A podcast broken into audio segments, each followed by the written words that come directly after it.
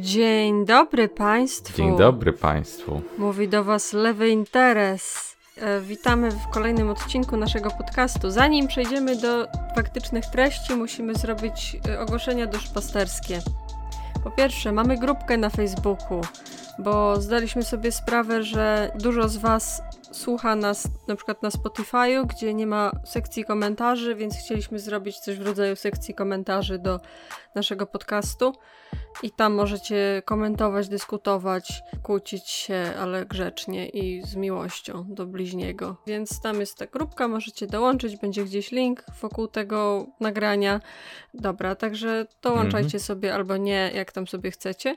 Drugie ogłoszenie jest takie, że trwa plebiscyt na to, co będzie następną lekturą w lewych papierach, bo mamy do wyboru Kropotkina i Lenina i na razie na, na Facebooku wygrywa Lenin, a na Twitterze wygrywa Kropotkin, więc musicie to rozstrzygnąć i e, zagłosować w ankiecie, co wolicie na następną książkę. A po trzecie, subskrybujcie nas. Subskrybujcie nas na YouTubie, bo tam jak będziemy mieli tysiąc subów, to nas będzie samo promować i będziemy mieli więcej klików. E, a dopóki nie mamy tysiąca, to nie promuje nas, a wręcz nas trochę tłamsi. No i jak zasubskrybujecie, a nie chcecie tam słuchać, to możecie sobie nawet nas potem wyłączyć nam dzwona czy coś takiego, ale po prostu nam chodzi o tą liczbę głupią, durną. Tak, to jest ten rzadki przypadek, gdy prosimy, żebyście uderzyli w, w baton, ale w dzwona nie musicie uderzać. Tak. Ale jak już tam jesteście, to możecie zalajkować filmiki albo coś skomentować, czemu no, nie. Nie obrazimy się, jak też dzwona uderzycie. Tak, tak. Pięknie. O czym dzisiaj mówimy, Krzysztofie? Dzisiaj pogadamy sobie o tym, dlaczego Kościół nie jest naszym przyjacielem i o tym, w jaki sposób Kościół jest jednoznacznym wrogiem LGBT. Troszkę przeanalizujemy sobie stanowisko konferencji Episkopatu Polski w kwestii LGBT. To jest oficjalny dokument, który wysmarowali jakiś czas temu, całkiem niedawno. Jest to naprawdę straszny dokument. Do teraz mam mdłości po przeczytaniu go. Tak, to będą te główne punkty, które ja bym chciał poruszyć. Git, to powiedz mi, Krzysiu, czy jesteś bogobojnym chrześcijaninem? Absolutnie nie. To rzeczywiście zasługuje na disclaimer.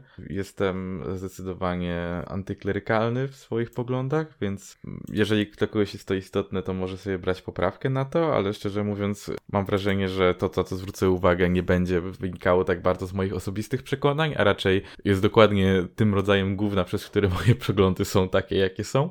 Więc y, tak, a Amelia, jakie jest twoje podejście do tematu? Ja jestem, znaczy ja jestem może trochę nie, nie, nie, aż tak antyteistyczna, ale zdecydowanie nie podoba mi się Kościół w Polsce i uważam, że polski Kościół jest dobrym argumentem za totalną laicyzacją życia publicznego i no w sumie się z tobą zgadzam, że jestem, jestem przeciwna Kościołowi jako instytucji. A ja jestem przy okazji też przeciwny wierze jako takiej. Wiem, że chociaż tutaj to nie będzie miało nawet za dużo do rzeczy w naszym odcinku, bo skupiamy tak. się tutaj głównie na, na instytucji właśnie. Ja tam jednak mam jakiś e, powiedzmy sentyment do pewnych nauczań Jezusa i uważam, że na przykład teologia wyzwolenia, git, git, wielki rikcz podoba mi się. Szkoda, że w Polsce nie mamy tego i nie będzie tego nigdy, bo mamy chujowy naród. Okej. Okay. O, i od czego w ogóle chciałbyś y, zacząć twój rant? Ja w ogóle chciałbym dać taki, taki mały background historyczny z pewnym zwróceniem uwagi na takie narracje narodowe, które są w Polsce, bo niby jest to dość ekstremalne zdanie, które zaraz przytoczę, ale w nim rezonuje bardzo mocno taki jakiś uniwersalny w Polsce pogląd. Otóż ONR-ki i różne inne takie narodowe śmiecie często używają terminu, że przed Polska będzie katolicka albo żadna. To jest taki termin, który widziałem parokrotnie e, na ogół, na murach, na ogół okraszony dodatkowo jakimś krzyżem celtyckim albo inną postnazistowską symboliką bardzo takie dla mnie zawsze to było zaskakujące, bo w pewnym sensie oni są niby za ideą suwerennego państwa, takiego samodzielnego, silnego państwa, ale z drugiej strony uzależniają jego istnienie od siły totalnie zewnętrznej. I właśnie to jest taka, taka rzecz, na którą chciałbym trochę zwrócić uwagę, bo jest z jakiegoś powodu, bardzo zresztą podsycana przez, yy, przez właśnie Kościół w Polsce, taka narracja, że Kościół katolicki w jakiś sposób jest de z definicji propolski, że to jest po prostu organizacja, która walczy o polskość, która chroni polskość, właściwie Polska i Kościół to są prawie synonimy. I to wiadomo, mówię to teraz bardzo takimi dużymi słowami, ale nawet w takiej mniejszej formie, bez tak silnych deklaracji, to po prostu czuć w narracjach, tak? Że, że z jakiegoś powodu patriotyzm się wiąże z katolicyzmem w tym kraju, że z jakiegoś powodu ateista to jest jakaś siła obca w tym kraju, albo wyznawca innej religii to jest zawsze siła obca w tym kraju. I jest niesamowicie absurdalne tak naprawdę to, to założenie, dlatego że jak sobie popatrzymy na historię relacji Kościoła z polskością, to wcale nie jest tak fajna historia. I tak naprawdę już odcinając się od tego, że, że na początku Polska była w tym sensie celem krucjat i tak dalej, to już da, dawno zamieszka przeszłość, ale jak sobie patrzymy nawet na taką świeższą historię, to na przykład Polacy pod zaborami, tacy wielu działaczy politycznych było bardzo złych tak naprawdę na Kościół katolicki, na, na Watykan, dlatego że e, nikt tam szczególnie się nie zająknął, że, nie było żadnego oficjalnego stanowiska przeciwko na przykład zawłaszczenia ziem polskich przez, e, przez mocarstwa ościenne i to jest pierwszy dla mnie taki przykład, że hej, nie tak dalekiej historii tak naprawdę, naprawdę nie tak dalekiej. Ktoś literalnie, nie przez obce wpływy, które tak naprawdę są bardzo często totalnie wewnętrznymi potrzebami Polaków, ale fizycznie, dosłownie wziął i zagarnął ziemię, a Kościół powiedział, e, okej. Okay. I, co, I to, to była pierwsza rzecz, która była, była oburzająca, ale następnie jak na przykład pojawiały się ruchy rewolucyjne, to Kościół był aktywnie przeciwny ruchom rewolucyjnym i wyzwoleńczym w Polsce bardzo często. Oficjalne stanowiska były takie, że, że, że po prostu był list na przykład wystosowany do zaboru e, rosyjskiego, że trzeba się poddać po prostu e, caratowi, bo to jest najlepsze dla państwa. I teraz skąd to się brało? To się brało z dwóch bardzo prostych przyczyn. Pierwsza przyczyna była taka, że rewolucyjność kojarzyła się w tamtych czasach kościołowi jednoznacznie ateistycznie przez rewolucję francuską, bo po prostu dalej bolała ich dupa po tym, jak silnie bardzo religijny kraj nagle wywłaszczył ich z ich majątków, zabrał im ogromne źródła dochodów i tak dalej. A druga rzecz była taka, że w tamtych czasach e, Rosja była postrzegana mocno jako taki sojusznik tak naprawdę kościoła. I strasznie zabawne jest tutaj dla mnie to założenie teraz, że Kościół w jakikolwiek sposób broni interesu Polski, bo jak sobie popatrzymy na wszystkie te historie, zupełnie jednoznaczne jest tak naprawdę dla mnie to, że Kościół od początku tylko i wyłącznie bronił swojego interesu i na przykład w 33 zdaje się Watykan podpisał konkordat z trzecią Rzeszą, w trakcie która była już, już, już wtedy totalnie nazistowska i w sensie z, z Niemcami, no ale już oficjalnie były trzecią Rzeszą, tak? I e, to się zresztą nazywało Reich Konkordat i, i tak naprawdę Kościół potępił Hitlera dopiero gdy ten zaczął masowo prześladować i wysyłać do, do obozów e, księży, bo e, kłóciło mu się to, że wyznawali jakiegoś Żyda zamiast jego jako, jako ostatecznego, cudownego przywódcę. I, I tak naprawdę Kościół od początku szukał przede wszystkim sposobu, by przymilić się y, po prostu władzy, obecnej, obecnej sile, e, zachować jak najwięcej majątku i utrzymać po prostu głowę na powierzchni. I szczerze mówiąc, jestem głęboko przekonany, że gdyby ZSRR było katolickie, nigdy nie byłoby żadnego kościelnego ruchu za wolną Polską. Powiem ci szczerze, że się z tym nie zgodzę, bo Polska była katolicka. Nie wiem, czy to jest to, co tutaj mówisz, ale jakby czytając dużo o historii ostatnio powojennej Polski, wydaje mi się, że podstawowym i pierwszym błędem Stalina i w ogóle komunistów w powojennej Polsce było to, że pozwolili Kościołowi się rozwijać. Wszędzie indziej, dosłownie wszędzie indziej, gdzie ZSRR wchodziło i podbijało i coś tam wyzwalało, powiedzmy, zawsze była taka polityka, że od razu ateizowali, a w Polsce zrobili tak, że no oni tam są tacy katolicy, zrobimy im trochę laby. Mhm. I było na przykład tak, że na, na samym początku Gomułka szedł z y, pochodem na Boże Ciało. I to była taka duża zmiana i to było taki, takie endemiczne w Polsce, że, że to był jedyny kraj, gdzie partia się układała z kościołem. I po, potem im dalej w las, tym bardziej te wpływy kościoła rosły, bo, bo, po prostu jak już, już zabrnęli w to, że kościół w Polsce ma jakieś tam prawa, nie było tak prosto ich odebrać. I, i właśnie chciałem, właśnie o to mi troszkę chodzi, że, że tak naprawdę cała ta, znaczy może nie do końca z, z tą myślą zmierzałem, ale chodzi mi głównie o to, że właśnie jest, przypisuje się kościołowi Janowi Pawłowi II, że to oni w sumie zniszczyli ten, zniszczyli ZSRR, wyzwolili Polskę i tak dalej, ale moim zdaniem cała jakby opozycyjność kościoła względem właśnie zwierzchnictwa ZSRR nad, e, nad Polską. Wynikała właściwie tylko i wyłącznie z tego, że właśnie widzieli okazję tam na to, żeby w tym rejonie, jakim była Polska, wywalczyć swoją pozycję jakby jako taką opozycję do typowych zmian światopoglądowych wprowadzanych przez ZSRR, że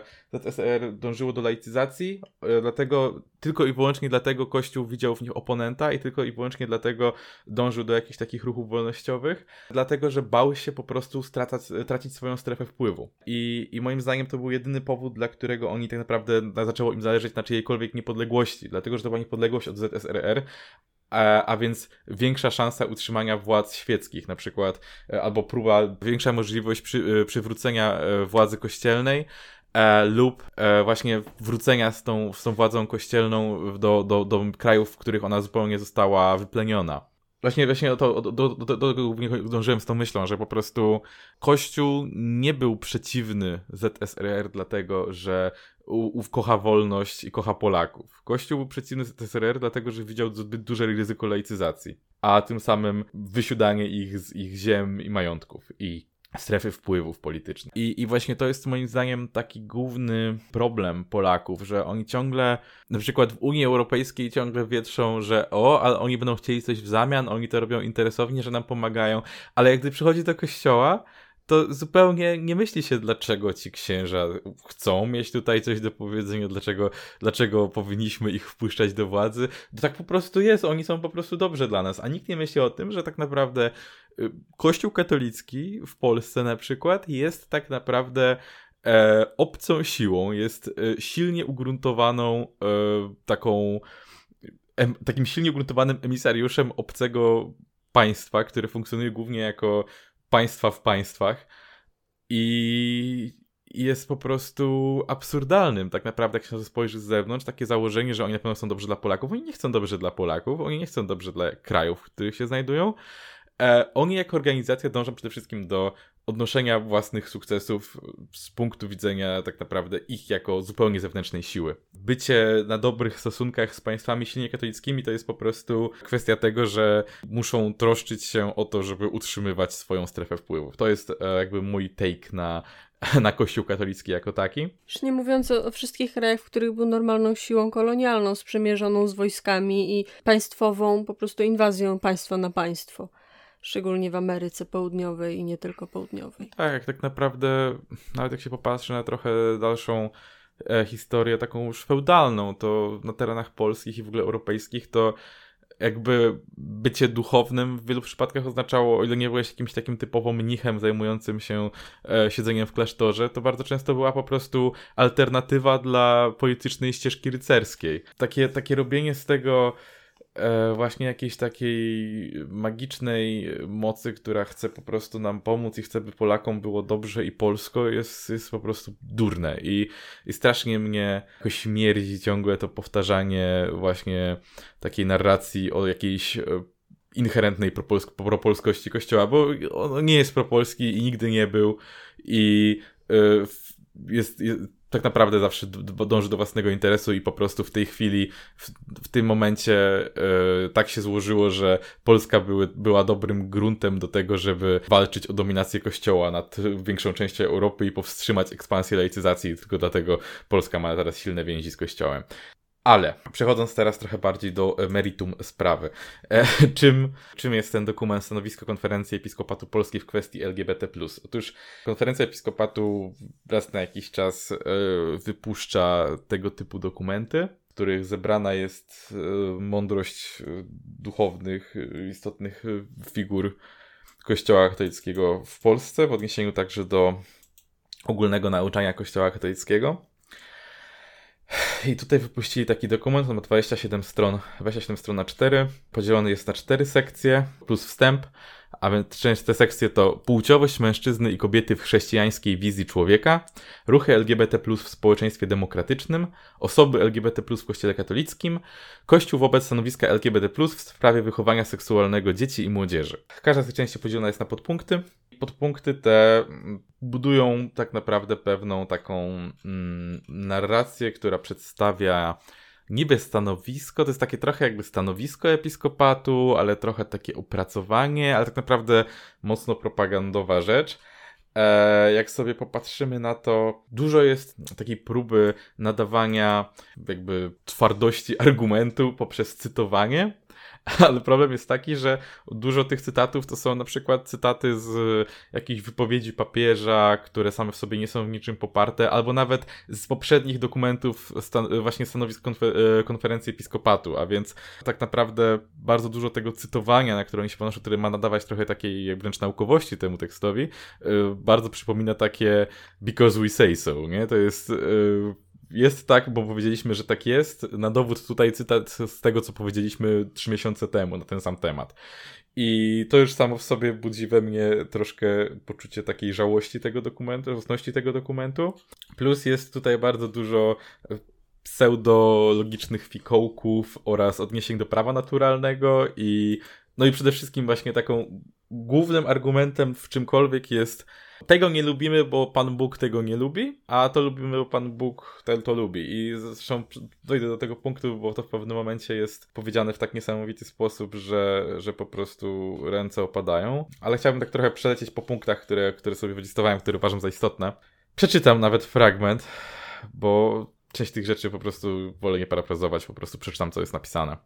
A jeszcze, jeszcze może zanim do tego przejdę, e, Amelia, jakie są Twoje ogólne odczucia na temat tego dokumentu? Moje odczucia są takie, że jest bardzo głupi, ale też trochę nie za bardzo wiem od czego zacząć. E, w sensie on, on jest taki, że już to wszystko widziałam od terfów i już to wszystko widziałam od strony normalnych homofobów, takich normalnych wiejskich homofobów, nie takich udających intelektualistów. W zasadzie mam wrażenie, że te, ta, ta kolista logika, to wszystko to jest na takim niskim poziomie. Jakby oprócz tego, że moralnie na niskim poziomie, to jeszcze na takim intelektualnym niskim poziomie, że nawet te argumenty nie są takie, że możesz je roz, rozbierać. Jeszcze są takie, na przykład, nie wiem, jak kłócisz się o aborcję, że możesz mieć jakiś logiczny argument, z którym można się nie zgadzać. A tutaj jest wszystko takie, no bo nienaturalne. Co ja mam zrobić z takim argumentem? No to co? Okulary są naturalne, stoły są naturalne, nie, nie wiem. To jest to? To już, już tyle? Skończyłeś? Mm. To już jest wszystko, co miałeś? Więc chciałbym tutaj właśnie tak powiedzieć najpierw. Punkt piąty, y, część, część pierwsza. Problemy z orientacją seksualną, identyfikacją płciową nie są zjawiskiem nowym. O takich skłonnościach i zachowaniach mówią już przekazy pochodzące z odległych czasów. Dotychczas nie były one jednak nagłaśniane, ani tym bardziej szeroko propagowane. Osoby przynależące do LGBT na ogół traktowały swoje życie intymne jako podlegający ochronie obszar prywatności. W dzisiejszych czasach nie tylko publicznie manifestują swoją obecność w życiu społecznym, ale domagają się także spełnienia ich różnych postulatów. I to jest jeden z pierwszych punktów, które się pojawiają i z miejsca e, zbiera mi się na żygę, jak to czytam, bo chciałem zwrócić uwagę na jakby prawie wszędzie na świecie, zwłaszcza w, e, w, w chrześcijańskich kręgach, strefach wpływów, osoby, osoby LGBT były prześladowane. I to było prześladowanie bardzo często takie, że nie wiem, za, za bycie gejem można było być uznanym za heretyka albo opętanego i można było za to zginąć, albo być torturowanym, albo kastrowanym. I i to do całkiem niedawna, tak naprawdę. I teraz powiedzenie, że te osoby były od zawsze, ale traktowały swoje życie intymne jako podlegający ochronie obszar prywatności. Co znaczy podlegający ochronie? Czy e, strach przed, przed, przed byciem sobą w przestrzeni publicznej to jest podleganie ochronie? To jest straszne dla mnie, bo jakby wiadomo, że różne No ale logiczne, były... chronisz się przed byciem spalonym na stosie. To znaczy, że podlega Dokładnie. ochronie, no come więc, więc, różne były powody, dla których wiadomo, prześladowania były, ale chrześcijaństwo jest bardzo silnym tego, tego powodem. I, I teraz w momencie, w którym Kościół katolicki pisze coś takiego, to jest dla mnie takie trochę... Kiedyś udało nam się ich zgnoić tak bardzo, że się ukryli, a teraz już nie możemy i teraz wychodzą. I to jest przedstawiane jako jakiś oburzający fakt, że te geje wyszły z ukrycia i i nazywanie tego ochroną. Nie wiem, po prostu ciężko jest mi właśnie tutaj nawet. Najgorsze jest właśnie to, że to jest takie wszystko takie niby intelektualne i takie niby z szacunkiem pisane, ale co chwila wycieka z tego taki syf. Bo następnym punkcie. To jest po prostu ładnie ujęte, elegancko ujęte. Kiedyś się nie obnosili, a teraz się obnoszą. Dokładnie. W następnym punkcie pada coś, co po prostu robi mi jedno wielko, wielkie XD. Otóż Oceniając dezyderaty środowisk LGBT, osób głoszących ideologię gender i prezentujących radykalny feminizm, chrześcijanie odwołują się zarówno do argumentów rozumowych, jak i do Bożego dzieła stworzenia. I ten punkt, jako taka preambuła do tego wszystkiego, takie e, logika z nami i Bóg z nami jest kolejnym po prostu żygogennym dla mnie e, elementem tego wszystkiego, bo zaraz przejdziemy do tego, jaka tam właśnie mm, logika i, i rozum y, są, są zaprzęgnięte do, do postawiania tego e, tych, do ustosunkowywania się do dezyderat środowisk LGBT, ale też do Bożego dzieła stworzenia. Nie wiem, jest taka niesamowita pycha w tym, co, w tym, w tym sposobie, w jaki to wszystko jest sformułowane, bo to jest ciągła taka właśnie narracja, że to dla mnie tak trochę brzmi, większość tego tekstu, jak takie wiemy, że wy jesteście, do was to trzeba się zniżyć do tego poziomu, że będziemy mówić o naszym, e, o logice i rozumie, ale tutaj też was pokonamy, ale prawda jest taka, że przede wszystkim od samego początku my wiemy, że wy jesteście gorsi, no bo po prostu Bóg jest z nami, a nie z wami. Bardzo e, ciekawym dla mnie jest to, że w następnej części tego dokumentu jest bardzo dużo opisane o takiej definicji płciowości. Jest takie rozpisywanie się o tym, że, że tak, że, że jest, e, że, że, że można patrzeć tutaj na to jako taką taki aspekt duchowy, aspekt cielesny i to jak wykonujemy swoje role, czyli w jakimś stopniu oni uznają trochę na przykład jakąś performatywność płci. I, I to jest bardzo ciekawa rzecz, bo, bo trochę tak, tak zwracają uwagę, że rzeczywiście no to, to trzeba się zachowywać jak kobieta, trzeba zachowywać mężczyzna, żeby być kobietą i mężczyzną i Jednocześnie piszą o tym, że odseparowanie płci biologicznej i kulturowej jest błędem. I swoją drogą w punkcie dziesiątym pada coś, co nie wiem, Amelia, może mi powiesz, czy, czy mi się tylko wydaje, czy, czy to naprawdę jest bez sensu, ale pada coś takiego. Z błędnego odseparowania od siebie płci biologicznej i kulturowej, które w istocie polega na zrelatywizowaniu płci biologicznej, wynika rozróżnienie różnych orientacji seksualnych, które nie są już określane jako różnicę płci biologicznej między mężczyzną a kobietą, ale mogą przyjmować inne formy określane jedynie przez radykalnie autonomiczną jednostkę. Co ma orientacja seksualna do odseparowania płci biologicznej i kulturowej? Czy tylko mi się wydaje, że tutaj ktoś. To widzę bardzo często, że ludzie mylą orientację płciową z tożsamością płciową, orientacją seksualną i. Ale tutaj zauważ, że to jest w postaci takiego oficjalnego, bardzo wyedukowanego zdania, dodatkowo jeszcze zacytowane przez nich, a więc tutaj mamy dwie warstwy błędu, tak naprawdę. W sumie na samym początku dokumentu, który ma traktować o tych sprawach. I to jest takie troszkę już uh, telling, że, że nie byli w stanie nawet do końca zgłębić tematu, który, o którym się mają do powiedzenia 27 stron tekstu to jest taki troszkę, troszkę zły znak.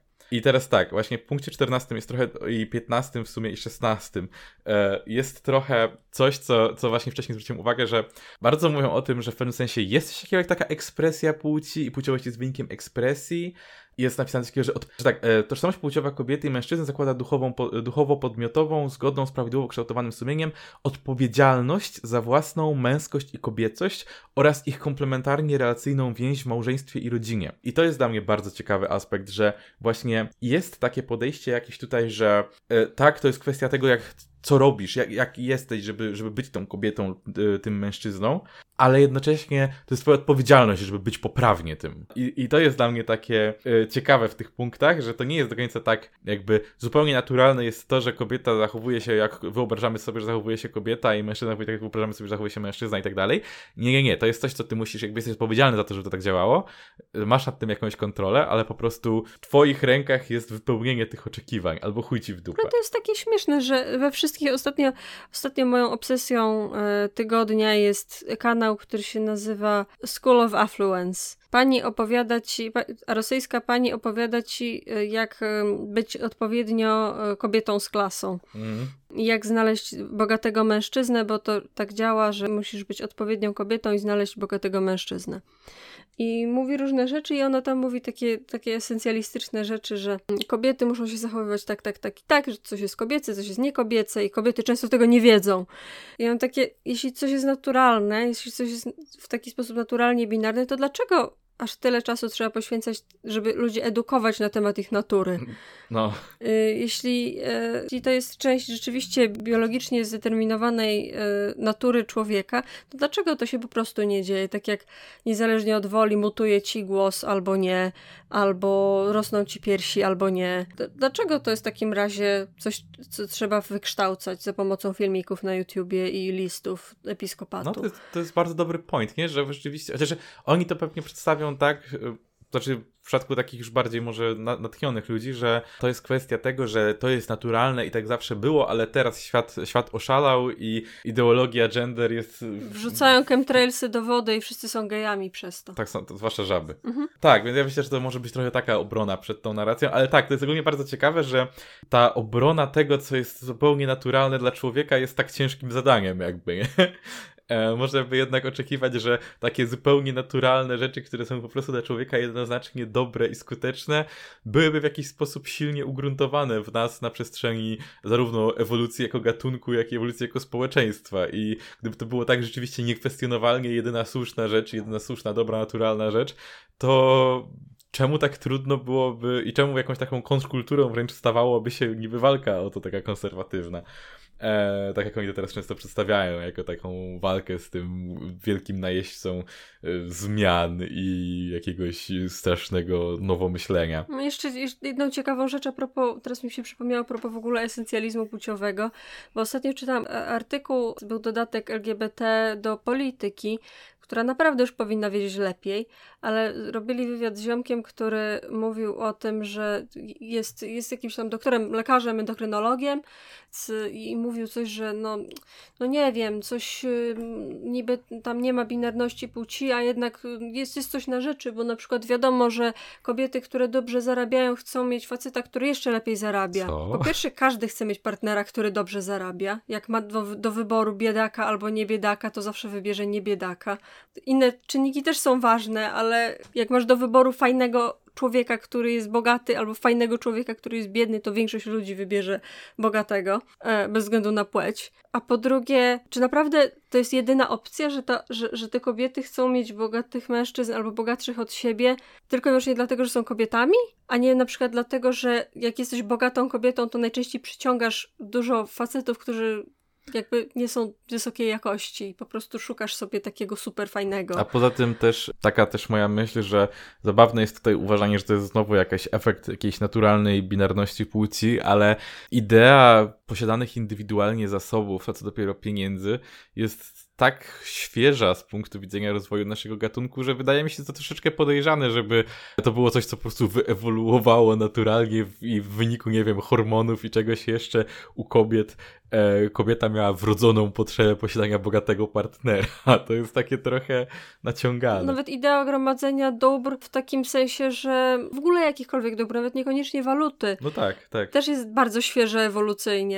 Więc nie wiem, dlaczego akurat to miałoby być, to by miało oznaczać, że ktoś jest kobietą albo mężczyzną, że jak chcesz mieć bogatego partnera, to jesteś kobietą, a jak chcesz mieć biednego partnera, to jesteś facetem. Nie co? Jeszcze się odniosę trochę do czegoś, co mi też rozbawiło w tych, w tych punktach, których przed chwilą mówiłem, o 14, 15 i 16, właśnie o tej ekspresji i tak dalej. Może przeczytam znowu cały punkt tak naprawdę, bo jest na dość krótki.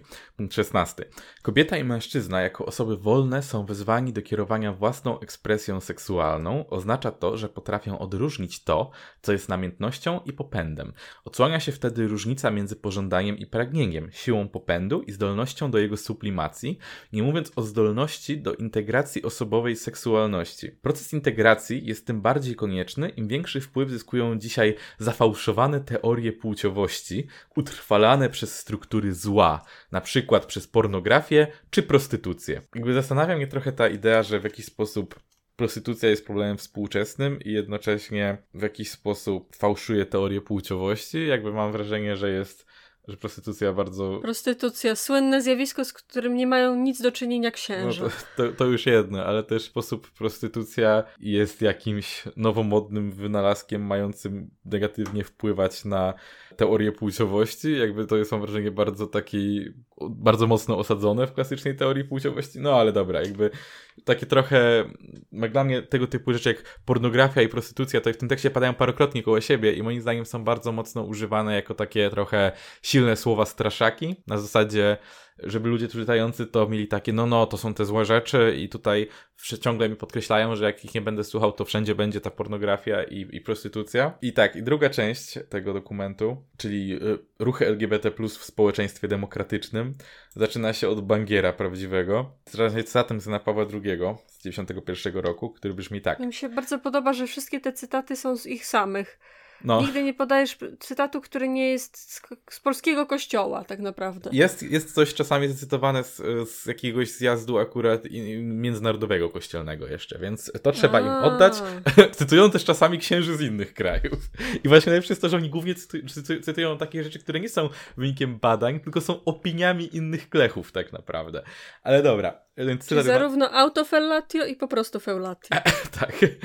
Więc e, punkt 19. Kościół respektuje słuszną autonomię porządku demokratycznego i nie ma tytułu do opowiadania się za takim czy innym rozwiązaniem instytucjonalnym czy konstytucyjnym.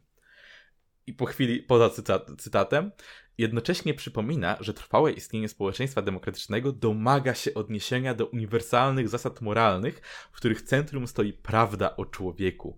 Bez tej prawdy społeczeństwo łatwo zatraca sens swojej misji, ulega manipulacji przez zmienne idee przyjmujące kształt modnych ideologii, prowadzi do dominacji większości nad mniejszością i silniejszych nad słabymi. Procesy te powodują zniszczenie sprawiedliwych stosunków międzyludzkich, zgodnego współżycia, a nawet podeptanie prawa do życia słabych i bez bezbronnych. Sam system demokratyczny ulegający tym tendencjom, cytat e, znowu na Pawła II, łatwo przemienia się w jawny lub zakamuflowany totalitaryzm. I teraz bardzo mnie to rozbawiło, bo w sumie to jest tak, więc mamy Kościół, który jak wszyscy już wiemy w naszej, w naszej rzeczywistości, w naszym kraju, zajmuje się głównie mieszaniem się do polityki tak naprawdę. To jest, mam wrażenie, że dla, dla wielu ludzi już dzisiaj, jak myślimy o kościele, to nie jest przede wszystkim myśl o duszpasterstwie i pomocy jakiejś moralnej i, i życiowej e, maluczkim, tylko jest to organizacja po prostu polityczna w Polsce. Mam wrażenie, że nawet nie jest obecnie szczególnie kontrowersyjne zdanie. I teraz zaczynamy od cytatu Jana Pawła II o tym, że Kościół się nie miesza do polityki, bo nie. A potem mówimy, ale w sumie to, to ta polityka to sama powinna chcieć się kierować tym, co mówi Kościół. I to trochę jest powiedziane nie wprost, bo jest o tym tylko, że prawda, stoi, prawda o człowieku i tak dalej. Ale zaraz potem przechodzimy do tego o tym, jak podstawą tej moralności i prawdy o człowieku jest nauka Kościoła, o, o czym jeszcze potem powiem wprost, bo jest taki fragment jakiś czas później. Więc to jest tak naprawdę takie powiedzenie, no niby się nie mieszamy, ale. I dodatkowo jeszcze wszystko jest poparte cytatem z Jana Pawła II. A więc, nie, nie wiem, po prostu niesamowity jest poziom takiej ja nie wiem, czy jest hipokryzja w tym momencie, bo oni nawet nie do końca mówią jedno, a robią drugie, tylko oni cały czas to, to, mówią to drugie, ale nie do końca wprost, a potem robią to drugie, więc... I następny punkt, ja, ja sobie zapisałem całą tą sekcję, podpisałem ją po prostu jako XDDDD, bo szczerze mówiąc, ciężko jest mi tutaj nawet jakoś, jakby mam wrażenie, że nie trzeba do końca wytykać tych absurdów, bo w następnym punkciku jest kontynuacja. Chrześcijaństwo nie należy do ideologii, które wyznaczają sobie za cel zniewolenie człowieka, poniżanie go i narzucenie mu swojej prawdy. W ciągu dwóch tysiącleci głoszenia Ewangelii Kościół dał już wielokrotne świadectwo, że jest profetycznym znakiem i zabezpieczeniem transcendentnego charakteru osoby ludzkiej. Konstytucja duszpasterstwa, cytat, cytat, e, i, i w efekcie prawda o człowieku, który uczy, jest gwarantem jego osobowej godności i warunkuje wyzwalającą go wolność stojącą u podstaw sprawiedliwego porządku społecznego. Mm. I jakby, czyli właśnie tak naprawdę przed chwilą była mowa o tym, jak to de demokracja nie ma nic wspólnego, w sensie nie jest dyktowana przez Kościół. Tutaj mamy o tym, że w sumie to Kościół jest właśnie dokładnie tym, tym wyznacznikiem, czym powinna się kierować demokracja i dodatkowo już tak totalnie mnie rozwaliło stwierdzenie, że Kościół nigdy tam nie narzucał swojej, swojej opinii, on nie służy do niewolenia ludzi, e, a potem i gdyby mieli tyle przyzwoitości, by odnieść się do jakichś wydarzeń najnowszych, ale, ale oni piszą o dwóch tysiącach lat historii Kościoła i jakby mam wrażenie, że nie trzeba mieć ogromnej wiedzy historycznej, żeby jak ktoś ci mówi o dwóch tysiącach lat działalności Kościoła, to myśleć między innymi o wojnach ze wszystkimi ruchami e, protestanckimi, o prześladowaniach, e, o inkwizycjach, o krucjatach, jakby niesamowite to jest dla mnie, bo to jest już takie zaklinanie rzeczywistości, żeby powiedzieć, że Kościół nigdy nikogo do niczego nie zmuszał. Popatrzcie na 2000 lat naszej wspaniałej historii. Hmm. To, to wręcz wygląda jak żart. Jakby, gdyby to powiedział jakiś Louis C.K. czy coś, to, było, to ludzie by się śmiali jako taki żart chrześcijan. A to jest w ich oficjalnym dokumencie o nich samych. Są w banieczce. To jest taki jakiś niesamowity, mam wrażenie, poziom przekonania o tym, że po prostu oni są przekonani, że po prostu to mogą w ciebie rzucić dowolnym gównem, a ty to po prostu wejmiesz mm. i powiesz hmm, ładne, podoba mi się, postawię na półce i będę wąchał codziennie, nie? I tak, i ten punkt kończy się słowami. Dla powyższych racji Kościół z jednej strony nie boi się głosić obowiązku poszanowania godności osobowej każdego człowieka, również osób związanych z LGBT, a z drugiej strony dla tych samych racji musi się odnieść z rezerwą, a w partykularnych przypadkach z wyraźnym sprzeciwem do ideologii gender oraz form aktywności ruchów LGBT, pomijających tę prawdę o człowieku oraz do ich społecznych projektów i wyznaczanych sobie celów. I to jest już taki trochę cliffhanger dla mnie, bo tutaj powiedzieli, że mają jakieś projekty, jakieś cele. I nie musimy na szczęście długo czekać, bo już dwa punkty później dowiemy się, jakie są cele. Więc mamy w 22 punkcie, ale taki fragment.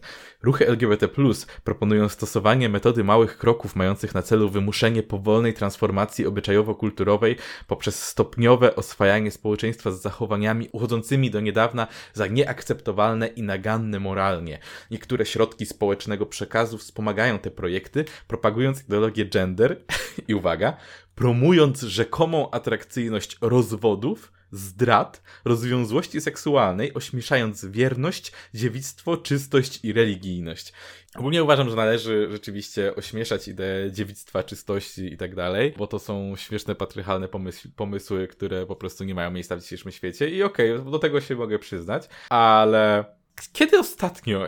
Czy miałaś ostatnio taką sytuację, żebyś sobie miała styczność z kulturą czy z działalnością LGBT i widziała jakąś szczególnie, szczególną promocję rozwodów i zdrad na przykład? Nie wiem, ja mam takie wrażenie, że tak nie jest, ale czy może, może widziałaś gdzieś jakąś promocję zdrad i rozwodów? No widziałam promocję rozwodów, bo, bo Wydaje mi się, że musimy pamiętać, że wszystko, co się tutaj odbywa, ma jakieś albo drugie dno, albo trzecie dno w postaci mizoginii. Zarówno z homofobią tak jest, jak i z transfobią, i nawet w transfobii i w tym sztywnym przestrzeganiu norm płciowych ostatecznie chodzi o to, że no przecież Ewa z żebra Adama, wszystko co się tutaj odbywa, od razu można patrzeć na to przez, przez taką soczewkę, że to jest tak naprawdę, tak naprawdę chodzi o to, że te baby albo że faceci się zachowują jak baby i tego nie chcemy, bo baby są obrzydliwe, albo masz, masz, takie poczucie, że jak ja czytam te, te kolejne punkty, mam wrażenie, że w każdym chodzi tak naprawdę ostatecznym, ostateczną konkluzją, logiczną konkluzją z tego jest to, że te baby albo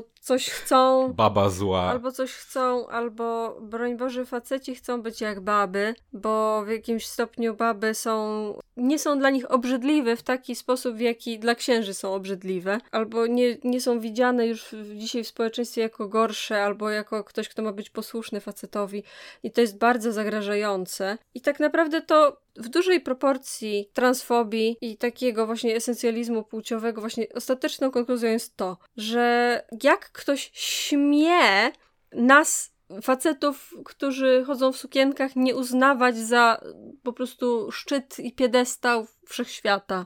Jak śmieją mieć swój laicki, równościowy ruch, w którym, broń Boże, kobiety stanowią jakąś większość, bo niestety stanowią na razie w, w jakimś takim szerokim ruchu LGBT większość i zwolenników, i sprzymierzeńców, i samych członków. Mm ruchu. Trochę tak jak mówiłeś o, o ZSRR, o komunizmie jako po prostu konkurencyjnej sile, to jest kolejna konkurencyjna siła, która jest, no tak, jest programem politycznym. Nie da się tego ukryć, jest programem politycznym. Istnieje program polityczny LGBT. Mhm. Uważam, że jak ktoś y, temu zaprzecza, to trochę sobie kłamie albo argumentuje w złej wierze, bo istnieje program polityczny LGBT. W tym programie jest między innymi to, żeby y, było prawo do wolnego małżeństwa dla wszystkich i wolnych rozwodów dla wszystkich. Więc tak, jest jakaś forma promocji rozwodów. Przypominam, jeśli ktoś nie wie, za czasów Reagana e, Reagan zlikwidował w Stanach obowiązek orzeczenia o winie e, w czasie rozwodu. W ciągu następnych paru lat liczba samobójstw wśród kobiet kobiet spadło o 20%. 20%. Rozwód stał się dla nich faktyczną możliwością. Nie musiały się zabić, żeby uciec z małżeństwa, w którym są poddawane przemocy. to jest to, o co walczymy. Więc tak, ruch LGBT jest sprzymierzony z feminizmem i oba te ruchy walczą o prawo do rozwodu. No właśnie, tylko że tutaj dla mnie, to, w sumie, dobra, tutaj może trochę się przyczepiłem do niewłaściwego słowa, bo zapomniałem, że dla Kościoła mówienie o tym, że coś może mieć jakąś pozytywną wartość albo skutek, to jest od razu promowanie tego, co nie? Bo właśnie trochę do tego jakby chciałem, chciałem zwrócić na to uwagę, że, że tak, jak najbardziej e, w pewnym sensie nowoczesne myślenie o rodzinie, o małżeństwie zawiera w sobie również ten aspekt myśli o rozwodzie, którego nie ma w kościele katolickim teoretycznie, chyba że masz nazwisko Kurski, ale to jest inna sprawa. Kościół miał wiadomo zawsze swoje sposoby na unieważnianie małżeństw, ale jednocześnie jakoś tak oficjalna narracja jest taka, że tego tam nie ma jakby, w sensie unieważnienie to nie jest rozwód, bo powinien być tylko w konkretnych przypadkach i w praktyce tak nie było, ale to kilka złych jabłek, a prawda jest taka, że ogólnie to małżeństwo jest to całe życie huruduru. I w tym kontekście tak, rzeczywiście to nowoczesne myślenie o rodzinie jest za rozwodami tam, gdzie Kościół nie jest, ale to nie jest tak, że jest to w jakiś sposób, wszyscy krzyczą ciągle haha, rozwiedź się, będzie super, albo weź ślub tylko po to, by móc się rozwieść. Jakby mówienie o promowaniu rozwodu kojarzy się raczej z czymś takim, bo po prostu stwierdzenie, że hej, jeżeli naprawdę jest, jesteś tak nieszczęśliwy, że wolisz się zabić, to lepiej, żebyś się rozwiódł, albo na przykład, jeżeli twoje życie jest koszmarem, dlatego, że jesteś w związku z, z osobą, którą się nie dogadujesz, albo która stała się zła na przestrzeni ostatnich lat dla ciebie, albo która cię krzywdzi, to nie jest promocja rozwodu, to jest promocja zadbania o tego człowieka, który znajduje się w złej sytuacji. I oni po prostu, jakby, nie wiem, przedstawianie tego. To jest promocja dobrych małżeństw. Tak. To jest, tak to należy obramowywać. To jest promocja dobrych małżeństw. Tak jak powiedział celnie y, Leszek Balcerowicz, należy takich piętnować i dobrych zauważać. To jest takie robienie, takie przedstawianie bardzo podłe tak naprawdę, bo właśnie to jest wzięcie czegoś, to jest trochę tak, jakbyś, nie wiem, rodzice kupują dziecku samochód i potem mówisz, że yy, okropni rodzice zwiększają ryzyko, że dziecko zginie w wypadku, tak? Tak, możesz na to tak spojrzeć, ale czemu masz to robić, jeżeli nie masz od początku powodu, żeby postawić rodzica w złym świetle? O to mi chodzi, że to jest wzięcie jakiegoś mechanizmu, który zwracamy uwagę, że może być bardzo przydatny i potrzebny w wielu sytuacjach i zrobienie po prostu y, pizdy jeziora w miejscu, w którym chcemy, chcemy zrobić, y, jak, przedstawić tą sytuację w jak najgorszym świetle, chcemy po prostu pokazać, że o, oni są od tego niszczenia i to wszystko jest tutaj o tyle obleśne, że to jest ciągle w postaci takiego, takiej wykładni, takiego spokojnego przedstawienia prawdy. Poza nie mówiąc o tym, że jeżeli piszę, ten tekst jest pisany w takim duchu niby taki właśnie z cytatami, z cytatami i ze wszystkim, a z drugiej strony mamy niektóre środki społecznego przekazu. I to jest takie trochę żeby nie można było tego sfalsyfikować. To jest takie trochę, na mieście mi mówią, że, nie? Na mieście mówią, że jesteś debilem i weź się obroń przed takim czymś. Potem, chociaż mimo, że to jeszcze nie jest ten, ten dział, przechodzą do, bo to dopiero potem mieli się o ten, ten temat wypowiadać, przechodzą trochę do e, edukacji seksualnej. Punkcie 23 pada, pada kolejna, kolejne cudownych parę zdań. O tym, jak to wychowanie jest, dzieci jest y, złe obecnie, w sensie edukacja seksualna jest złe, bo uczy przyjemnościowego manipulowania swoją płciowością, wprowadza we wczesne doświadczenia seksualne i, uwaga, proponowane wychowanie skutkuje seksualizacją dzieci i młodzieży, prowadzi do przełamania ochronnej bariery wstydliwości, rozbudzenia cielesnego pożądania i seksoholizmu, owocuje często wczesną inicjacją seksualną, ciążą w młodzieńczym wieku i nierzadko aborcją. I uwaga, po, po takich rzeczach jak seksoholizm, ciąże nastoletnie, mamy stosowanie środków antykoncepcyjnych, niszczących sferę rozrodczą młodej dziewczyny i utrudniających zajście w ciążę w dojrzałym wieku w ogóle. A, e, zwiększa ryzyko zakażeń chorobami przenoszonymi drogą płciową, a w końcu staje się przyczyną traumatycznych przeżyć młodych ludzi i osobistych dramatów w dalszym życiu pies dostanie otyłości i śmierdzącego oddechu, a żona cię zostawi i zostanie czarną lesbijką w Stanach. No nie wiem, po prostu, w sensie, tylko ostatnie zdanie zmyśliłem, cała reszta jest tutaj. Od razu jeśli chodzi o, o, o samą treść tego, co oni mówią, to wydaje mi się, że trzeba tutaj się odwołać, trzeba odesłać naszych słuchaczy do filmu Dema o karcie LGBT że zalinkujemy tutaj gdzieś, e, bo bardzo taki kompleksowy, bardzo szczegółowy film, który tłumaczy, o co tak naprawdę chodzi w edukacji seksualnej i dlaczego tego typu tezy są niepoparte żadnymi faktami i nie mają mhm. przede wszystkim żadnego związku z tym, co faktycznie edukatorzy seksualni chcą robić. Bo tutaj nawet nie chodzi o żadną promocję homoseksualizmu. Nikt nawet nie próbuje w Polsce się posunąć tak daleko. Wiem, wiemy, jak, wiemy, jak jest. E, chodzi o takie elementarne uczenie ludzi podstawowych umiejętności psychicznych, umiejętności e, społecznych, które też wiążą się z rolą płciową. I to jest wszystko, o co chodzi. W ogóle jeszcze odnośnie takiego jednego argumentu, który tutaj pada i który jest bardzo częsty, to, że w wyniku edukacji dzieci będą szybciej mieć inicjację seksualną i tak dalej. To jest w ogóle fajnym tutaj znowu e, takim polem benchmarkowym są trochę Stany, dlatego że w Stanach edukacja seksualna w szkołach istnieje już od dość dawna w wielu miejscach i tam są na ogół dwie, dwa rodzaje tej edukacji. Jedna to jest taka, która jest poprawną edukacją seksualną w miarę, która na przykład zawiera informacje o antykoncepcji i tak dalej, ale w niektórych miejscach chrześcijańscy fundamentaliści się dobrali do, do tego, jak to ma wyglądać i nauczają jedynie o wstrzemięźliwości jako jedynej formie antykoncepcji. Y, statystyki jasno pokazują, że te rejony, w których jest ta edukacja oparta, niby edukacja oparta o wstrzemięźliwość, mają dużo więcej na przykład ciąż y, nastoletnich, dlatego że to nie jest tak, że te dzieci nie będą zainteresowane seksem, ci nastolatkowie nie będą będą uprawiać seksu tylko dlatego, że nie powiesz im, jak założyć kondoma. Powie, jeżeli wszystko, czego się nasłuchały, to że pod żadnym pozorem się nie ruchajcie, a za kondomy idziecie do piekła, to one posłuchają cię, tylko że będą się ruchać, ale dalej będą pamiętać to, że po prostu pójdą do piekła. Będą pamiętać, że za kondomy pójdą. Nie, właśnie nie, bo będą pamiętać, że za kondomy pójdą do piekła, a więc pójdą i będą się ruchać bez kondomu. I jakby to jest po prostu następstwo tej edukacji, bo po prostu to jest taki problem, że akt kupienia kondomów i planowanie ich użycia jest y, bardziej intelektualną rzeczą, w której jesteś w stanie wziąć pod uwagę to, czego ci nauczyli. A nauczyli cię, że to coś złego. Ale popęd jest tak bardzo niezwiązany z taką świadomym przemyśleniem tego, jak do tego dochodzi, że tej kwestii dużo, dużo prędzej zrezygnujesz z przeanalizowania tego, co zostało ci przekazane. Jakby, to zresztą też jest poparte badaniami, że ludzie w momencie podniecenia podejmują decyzje, które gdy są poza, tą, poza tym momentem podniecenia, mówili, że nigdy by nie podjęli. To jest właśnie między innymi w kwestii na przykład tego, że dużo częściej w sytuacji już podniecenia, jeżeli się okaże, że nie mają dostępu do kondomów, to z nich nie skorzystają. A więc jeżeli im powiemy, że, że kondomy są złe i że mają ich nie mieć przy sobie, to nie będą ich mieli przy sobie w momencie, w którym nie będą podejmowali świadomej decyzji, będą w stanie silnego podniecenia. A więc to jest po prostu debilne. I, i powiedzenie, że przez, przez tą edukację dzieci będą uprawiały seks i, w, i, i drogą podoba mi się to, że to nie jest powiedziane, że i w wyniku tego będą aborcje, ciąże i choroby. Nie, oni mówią, że będą uprawiały seks, a do tego będą aborcje, ciąże i choroby, jakby to nie było następstwo tego, że one będą uprawiały seks. A problem jest taki, że wystarczy powiedzieć, że te dzieci tak będą uprawiały seks i w tym momencie te pozostałe problemy tak naprawdę są rozwiązywane przez edukację seksualną. Ale co jest dla mnie jeszcze najpodlejsze w tym wszystkim tak naprawdę, bo to już jest takie, taka typowa gadka do edukacji seksualnej, to jest mówienie o ochronnej barierze wstydliwości, a potem wyrażanie, pod koniec tego mega długiego zdania, wyrażanie troski o ochronę przed traumatycznymi przeżyciami młodych ludzi i osobistych dramatów w dalszym życiu.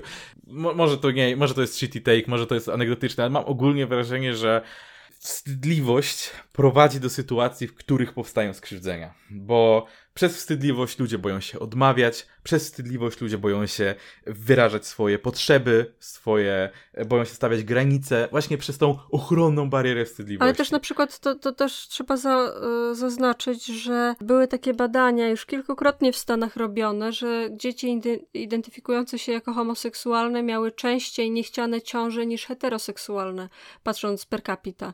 Bo częściej była taka sytuacja, że co nie zaruchasz, pedałem jesteś? I, I wtedy mówi, nie, nie jestem. Z tego wstydu szedł i robił coś mm. głupiego. Częściej się to zdarza właśnie w takich sytuacjach, więc to jest też kolejny jakby rodzaj tego, tej, tej wstydliwości jako czynnika, który odhamowuje człowieka. Tak, to jest... tak zrobię, zrobię coś teraz z tego napięcia ta, ta, to podejście do tego, że wstydliwość w tym temacie jest czymś dobrym, jest moim zdaniem okropne, bo to jest przy okazji też takie zwykłe lenistwo moralne, bo to nie jest próba powiedzenia, że na przykład bycie y, super aktywnym seksualnie od młodego wieku z bardzo dużą liczbą partnerów bez przemyślenia każdego z tych aktów nie jest dobre, dlatego że, że może się wydarzyć coś złego. Zamiast próbować jakoś usprawiedliwić tego typu pogląd, mówisz, no nie, to po prostu się wstydzisz, to dobrze, wstydź się. Powinieneś się wstydzić, to rozwiązuje problem. Jakoś przeraża przeraża mnie to, że że jest taka narracja, że właśnie, to zresztą jest to samo gówno, które mówi Korwin Mikke, że, że w jakiś sposób ta, ta, ta wstydliwość to jest super, że jest, bo, bo potem laski przynajmniej, zresztą to jest znowu, z kolei wracamy też do tego, co powiedziałaś, tak naprawdę chodzi głównie o to, żeby dziewczyny były, były jak najdłużej dziewicami, żeby się wstydziły po prostu seksu, bo, bo kobieta w ogóle nie powinna za bardzo tego seksu tak naprawdę chcieć, no chyba, że, że mąż tego chce. To jest tak naprawdę jeden wielki hymn pochwalny do nienawiści do kobiet, ten cały tekst. Ale przeskakując troszkę do punktu 29 na przykład, bardzo, bardzo mnie, bardzo tutaj to padło coś, co jest moim zdaniem też taką obrzydliwą, troszkę hipokryzją, ale chodzi mi tutaj jakby, dobrze pokazuje to, jaki jest ten dokument tak naprawdę.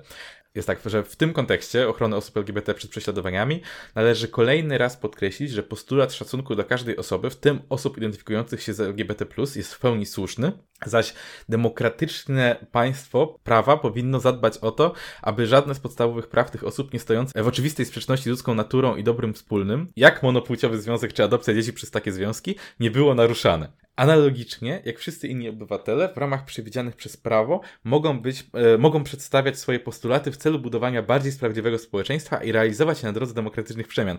I to jest dla mnie super, bo pada tutaj stwierdzenie o tym, że jak najbardziej LGBT mają prawo jakby zmieniać państwo w, w drodze demokratycznych przemian, ale w punkcie 19 tego samego dokumentu mieliśmy informację o tym, że demokracja przede wszystkim musi iść w duchu tej moralności, słuszności i ochrony człowieka, w której to duchu nie jest właściwie żaden z postulatów LGBT. I to jest mega dla mnie okropne w tym dokumencie, bo to jest takie ciągła próba przedstawienia, że to wcale nie jest tak, że my ich nienawidzimy, my po prostu coś tam, coś tam. I w następnym punkcie dodatkowo pada jeszcze śmieszna rzecz, która moim zdaniem jest e, idealnym takim właśnie odzwierciedleniem współczesnej narracji e, prawicowej, bo pada, że paralelnie do powyższych praw osób związanych z LGBT należy podkreślić słuszne oczekiwania całego społeczeństwa, aby były szanowane także prawa innych członków społeczności, w tym zwłaszcza ich uczuć religijnych, uznawanych przez nie zasad moralnych oraz zasad porządku publicznego.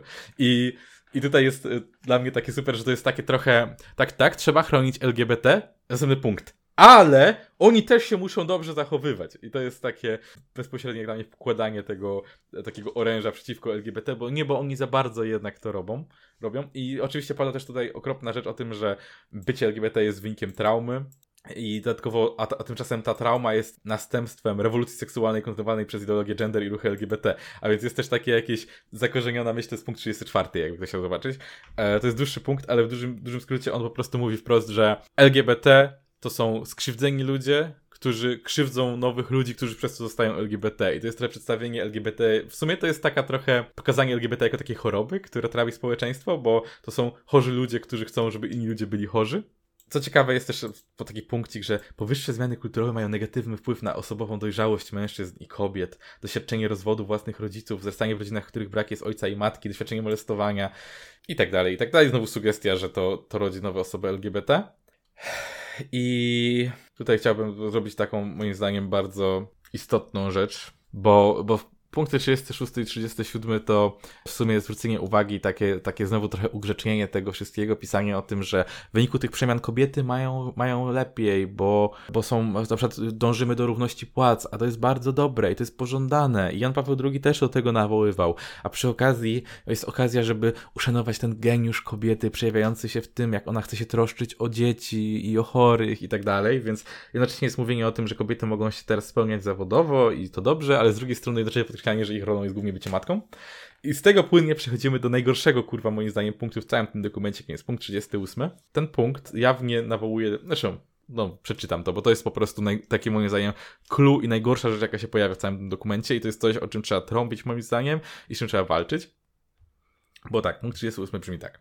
Wobec wyzwań tworzonych przez ideologię gender i ruchy LGBT, a zwłaszcza mając na uwadze trudności, cierpienia i duchowe rozdarcia przeżywane przez te osoby, konieczne jest tworzenie poradni, w nawiasie również z pomocą Kościoła, czy też przy jego strukturach, służących pomocą osobom pragnącym odzyskać zdrowie seksualne i naturalną orientację płciową. Przychodnie te mają sens również wtedy, kiedy pełna transformacja seksualna okaże się zbyt trudna, ale jednak w istotnym stopniu pomogą radzić sobie z psychoseksualnymi wyzwaniami. Postulat takich poradni stoi w oczywistej sprzeczności z oficjalnymi opiniami obowiązującymi w kręgach LGBT+, i uwaga, ze stanowiskami uważanymi za naukowe, a także z tak zwaną poprawnością polityczną. Nie można jednak pomijać świadectw osób, które w pewnym momencie uświadomiły sobie, że ich odmienna seksualność nie jest jakimś nieodwołalnym wyrokiem, czy bezpowrotnym zakodowaniem, ale jest objawem zranień w różnych poziomach osobowości. I tak dalej, i tak dalej. I, I to jest coś, co jest moim zdaniem przerażające w całym tym dokumencie, bo to jest jak wcześniej to są takie stanowiska, opinie, pierdololo, to ten punkt to jest jasne nawołanie o tym, jak to jest koniecznością utworzenie e, tak naprawdę punktów terapii konwersy, e, konwersyjnej. I oni nawet wprost piszą, że, że, że nauka potwierdza, że to nie jest przydatne, ale oni w tym momencie, jak wcześniej zwróciliśmy uwagę, tak, że oni cytują głównie sobie, siebie samych i swoje po prostu opinie. W tym miejscu raz powołują się na coś naukowego i mówią tylko, że to są uważane za naukowe. I nawet nie próbują w żaden sposób aktywnie zdebunkować tej e, naukowości. Oni po prostu mówią, że no wiecie, ta wasza nauka i, i to jest coś moim zdaniem totalnie okropnego, bo Prost, Jeszcze warto tutaj powiedzieć, bo dużo z naszych słuchaczy może nie wiedzieć tego fa faktycznie, na czym polega terapia konwersyjna w większości przypadków. Terapia konwersyjna to jest, nie wiem czy oglądaliście mechaniczną pomarańczę, ale generalnie metoda Ludowiko to jest 90% to, czyli puszczanie komuś na przykład filmów pornograficznych albo zmuszanie do oglądania jakichś materiałów, jednocześnie faszerując ich dragami, które mają sprawić, że będą się źle czuli, e, albo będą wymiotować, albo w jakiś sposób, żeby na, na poziomie warunkowania klasycznego zwarunkować daną osobę, żeby kojarzyła obrazy na przykład o treści homoseksualnej z wymiotami. E, co jest po prostu torturą. I najczęściej te osoby są zmuszane do brania udziału w takiej terapii, terapii. E, I, I przez to jakby postuluje się, żeby w ogóle nie mówić y, o, o, o, o, takim terminie jak terapia konwersyjna, tylko raczej tortury konwersyjne. Dlatego to jest tak przerażające, bo tutaj nie mówimy o terapii, która ma polegać na tym, że sadzają cię z panią, no wiesz co, bo misiu, bo nie wolno być gejem, tylko to jest coś o wiele bardziej brutalnego i o wiele bardziej szkodliwego dla zdrowia psychicznego i o wiele bardziej I... szybko szkodzącego człowiekowi. Jeszcze zrobię taki szybki skok do do dwóch rzeczy, które chciałem tutaj e, poruszyć. Wcześniej wspomniałem o tym, jak oni zupełnie bezproblemowo opowiedzieli o absolutnym braku narzucania czegokolwiek przez ideologię chrześcijańską i odnieśli się do swoich dwóch tysięcy lat wspaniałej historii. Jest tutaj też taki piękny fragment, który mówi po prostu wobec różnych interpretacji biblijnych i teologiczno-moralnych, negujących zło moralne zachowań homoseksualnych, Kościół przypomina, iż jego nauczanie w tej materii opiera się na Słowie Bożym, na żywej tradycji apostolskiej i na prawie naturalnym, ma więc ono charakter uniwersalny, niezmienny w czasie i w przestrzeni i jest nieomylne. Temu nauczaniu towarzyszy bowiem asystencja Ducha Świętego. I, I to jest fragment, który jest moim zdaniem tak niesamowicie głupi, dlatego że raz, że tradycja apostolska i to, co jest uważane za prawo naturalne, zmieniało się na przestrzeni istnienia Kościoła tak naprawdę i wynikało często z dosłownie głosowań, a więc w jaki sposób jest niezmienne w czasie i w przestrzeni i nieomylne, jeżeli dosłownie wynikało od tego, co było podejmowane, jaka decyzja była podejmowana przez, przez głosowanie małej grupy hierarchów kościelnych. Co więcej, jeżeli założymy, że to, co wynika z żywej tradycji apostolskiej i tak dalej, i to wszystko jest e, kierowane przez Ducha Świętego, e, to musimy założyć, że te właśnie wspaniałe rzeczy, o których wcześniej mówiłem, które plamią mocno krwią całą przeszłość Kościoła, również wynikają z asy asystencji Ducha Świętego, a więc a więc nie było nic złego w, w, w krucjatach i, i, i inkwizycji i i w wojnach z, z, reformatorami i oczywistych przypadkach totalnego zepsucia watykańskiego, w przypadkach, w których papieże urządzali sobie burdele w Watykanie. Jakby to wszystko jest nieomylne, bo towarzyszy temu asystencja Ducha Świętego. To jest po prostu tak pyszne zdanie, powiedzieć coś takiego, że wszystko, co powiedzieliśmy jest nieomylne i prawdziwe od teraz i na zawsze i, i zawsze wstecz. E, Okej, okay. i padają też oczywiście zdania o tym, jak to adopcja jest zła, bo dziecko potrzebuje matki i ojca i zupełne pominięcie faktu, że jakby istnieją też na przykład rodziny samo, samotni ojcowie i samotne matki. Ale, ale jest jeszcze cała czwarta część jest poświęcona właśnie. Co więcej, powiedziałabym, że nawet istnieją pary jednopłciowe w Polsce, które wychowują dzieci i nie, nie adoptowały tych dzieci, tylko na przykład jest to biologiczne dziecko któregoś z rodziców te pary już istnieją. I co teraz? No, to, to, jest, to jest w ogóle rzecz, która by im rozwaliła mózgi, ale. E, więc tak, więc właśnie Kościół wobec stanowiska LGBT w sprawie wychowania seksualnego dzieci i młodzieży. Część czwarta ma mnóstwo kwiatków w sobie. I ja chcę się odnieść tylko do jednego, bo jest taki to jest w sumie trochę powtórzenie tego samego, ale chcę je zestawić z ich własnym punktem 36, który miał opowiadać o tym, jak to jednak kobietom jest teraz dobrze i, i Kościół to popiera. Więc punkt 104 mówi: nad użyciem wychowania seksualnego dzieci i młodzieży jest także skupienie uwagi na antykoncepcji i zabezpieczaniu się przed konsekwencjami współżycia seksualnego. Kształtowanie w młodych ludziach przekonania o konieczności zabezpieczania się w istocie godzi w ich zdolność do wejścia w prawdziwą, ludzką, pełną, wierną i płodną miłość. Żaden środek nie jest w stanie uczynić aktywności seksualnej bezpieczną, jeśli życie młodego człowieka jest opanowane przez promiskuityzm seksualny oraz wiarę, że prezerwatywa skutecznie zabezpiecza przed poczęciem dziecka lub zakażeniem to jest w ogóle ten odwieczny fikołek logiczny, w którym e, prezerwatywy są złe, bo, bo działają oraz są złe dlatego, że nie działają. To jest coś, co oni zawsze mówią, że jednocześnie to jest złe, bo zamykasz się na życie, a z drugiej strony e, one wcale nie są takie skuteczne, e, więc to jest, to jest dla mnie ciekawostka. E, ale przy okazji w punkcie 36 tego samego dokumentu czytamy Dzięki większej wiedzy o własnym ciele i dynamizmie ludzkiej rozrodczości małżonkowie, a zwłaszcza kobiety, mogą zgodnie z zasadami moralnymi tak planować prokreację, aby nie stwarzała ona zagrożenia dla ich zdrowia i dla zdrowia mającego się urodzić dziecka, aby ich odpowiedzialne rodzicielstwo uwzględniało ich kondycję materialną, aby nie kolidowało ono z ich pracą zawodową i awansami społecznymi, nierzadko w tych dziedzinach i profesjach, które do niedawna były dla kobiet zamknięte. I teraz to jest dobrze, jak planujesz, kiedy chcesz mieć dzieci, ale to jest źle, jak planujesz, że nie chcesz mieć dzieci. Jakby. Jak? To jest. To, to, to jest dla mnie taki główny problem całej antykoncepcyjnej narracji kościoła jest to, że oni jakby rozumieją, że w dzisiejszym świecie ludzie po prostu nie mogą e, rodzić dziecka co po półtorej roku, że to po prostu nie działa już teraz, ale z drugiej strony jeżeli jeżeli robisz, jeżeli skutecznie unikasz posiadania tego dziecka co półtorej roku, to wszystko jest yy, to wszystko jest źle, ale jak robisz to, jeżeli robisz to nieskutecznie, to jest dobrze, jak robisz to skutecznie, to jest źle, jakby